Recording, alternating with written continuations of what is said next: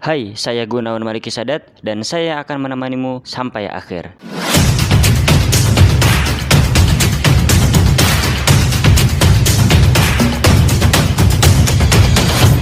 Balik lagi di GMS Podcast episode ke-66. Sebelumnya aku ucapin terima kasih buat kamu yang udah nyempetin waktu mendengarkan podcast episode kali ini.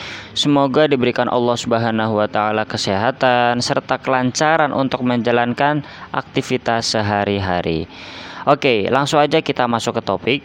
Aku mau membahas akibat kalau misalnya kita curhat di sosmed itu karena aku sering banget mendapati temanku pribadi atau justru orang lain ya ketika aku scroll scroll TikTok atau tweet tiba-tiba tuh ada orang yang emang ngeluhin keluhannya di sana. Ya aku pikir ini buat apaan sih? Ini ngapain sih? Dan segelintir orang pasti juga memikirkan hal yang sama seperti apa yang aku pikirin.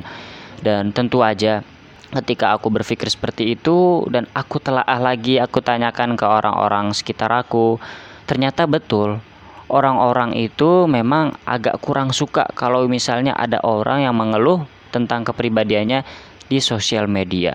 Karena kenapa? Aku akan paparkan.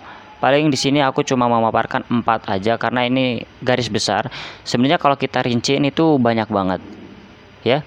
Jadi di sini aku mau ngasih pesan buat kamu yang memang teman-teman masih kurang kuat terhadap keluhan atau tekanan batin dari diri sendiri, ayolah sebesar apa sih masalah kita sampai kita tuh mau menyebarkan masalah kita, keluhan kita, atau bahkan aib kita ke sosial media gitu. Ya kalau misalkan emang manfaatnya itu lebih besar, itu aku gak permasalahin. Tapi kalau kita selidikin ya, ketika curhat di sosial media itu pasti mudorotnya atau bahayanya itu lebih besar atau hal-hal negatif yang kita dapatkan itu lebih besar daripada hal positifnya. Langsung aja kita masuk ke poin pertama yaitu kalau kita nyebarin masalah kita atau aib kita atau keluhan kita di sosial media menurutku pribadi dan atas apa yang telah aku telaah selama ini bahaya itu atau hal-hal negatif lebih besar daripada manfaatnya. Oke, aku pernah ngerasain ketika aku sedang capek, letih atau bosen, ya aku nggak nggak plek-plekan sih maksudnya nggak plek-plekan buat curhat di sosial media enggak tapi ya aku kayak nge-quotes atau ya jangan sampai orang tuh tahu kalau aku tuh lelah. Tapi aku tuh ngeluarin kelelahanku atau keluhanku melalui quotes-quotes yang memang bisa mewakili hati orang lain. Dan itu emang bisa memberikan apa ya efek luar biasa. Jadi aku ya lega sendiri rasanya. Nggak bisa dijelasin tapi emang rasanya lega sendiri. Mau aja suka aja gitu. Tapi kalau misalkan kita curhat di sosial media secara plek-plekan misalkan kamu baru putus nih sama cowok kamu kamu udah baru putus sama cewek kamu kamu plek-plekan wah gua putus nih kesel banget sama cewek gua kesel banget sama cowok gua gua di ghosting. Nah yang ada hal negatif itu akan muncul lebih besar daripada hal positifnya. Hal positif cuma kamu yang dapat kamu dapat dukungan orang sekitar yang jelek siapa? Kamu juga dan mantan dari pacar kamu atau kekasih kamu ya. Jadi jangan sampai kita berpikir bahwa menyelesaikan masalah di sosial media itu bisa cepat.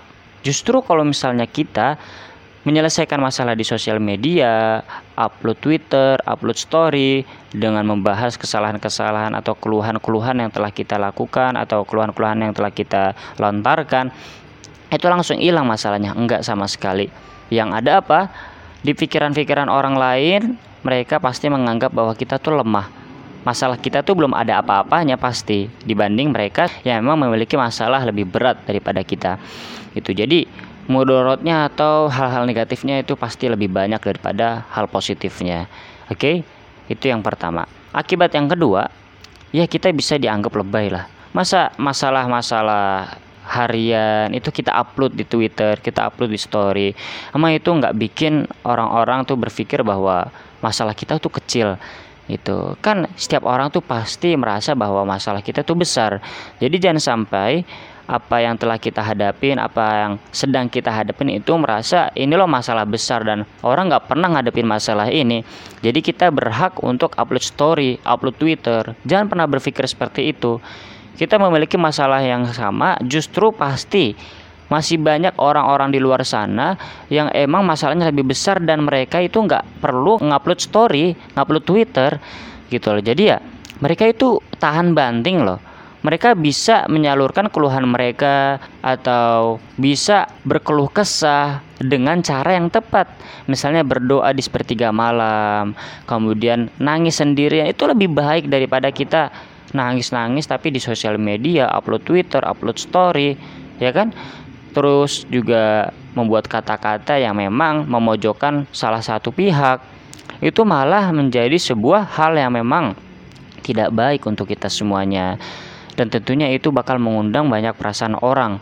Wah kayaknya kalau kita upload story atau bikin Twitter nih buat ngeluh kesah apa yang telah kita keluhin itu kayaknya enak ya padahal itu sama aja kayak membongkar kelemahan kita itu di mana, masalah kita tuh apa. Itu jadi kalau misalkan kita masih berpikir bahwa upload story, nge-tweet itu adalah masalah, ada pemecah masalah, berarti kamu menurutku pribadi itu belum dewasa. Karena kamu belum tahu Padahal masih banyak cara-cara lain yang memang benar-benar powerful buat nyelesain masalah pribadi kamu. Ya, yang ketiga, itu akan menjadi sebuah kebiasaan. Ketika kamu merasa bahwa nge-tweet, upload Twitter, upload story itu adalah hal yang memang membuat kamu lega, padahal ada hal-hal lain atau cara-cara lain yang bisa membuat kamu lega, pasti kamu akan melakukan hal itu terus-menerus tanpa percaya bahwa cara lain itu ada yang lebih baik lagi, ya. Jadi jangan berpikir bahwa ketika kamu upload story itu orang banyak yang wah kasihan banget ya. Terus nanyain kamu, "Eh gimana masalahnya udah selesai belum? Eh gimana masalahnya kok bisa sampai begini? Eh kenapa kamu?" Tuh, oke. Okay. Mereka ngerespon seperti itu apakah mereka sama halnya memikirkan seperti kamu durasinya?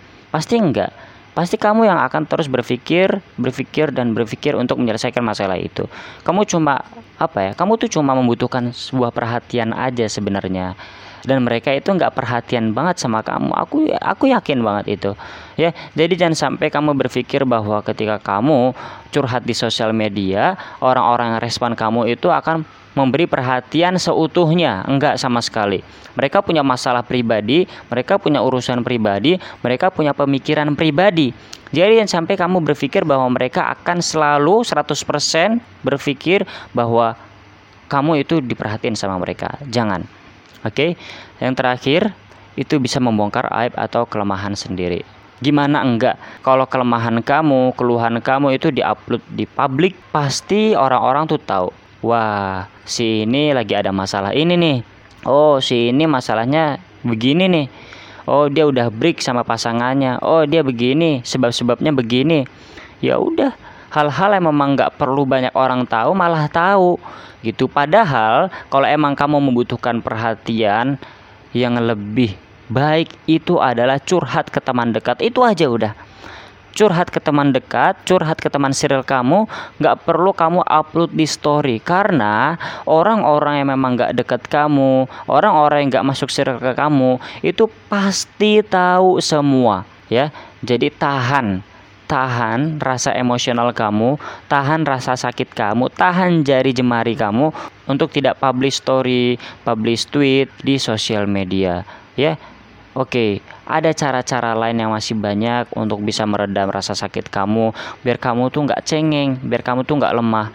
Ya, kita tuh masih remaja, kita tuh perlu menahan diri untuk bisa lebih kuat dalam menghadapi masalah-masalah nanti. Kita masih remaja, kita masih belum punya keluarga yang pastinya kita akan memiliki keluarga nanti. Gimana kalau kita sudah memiliki keluarga, masalahnya tambah berat, masalahnya makin susah.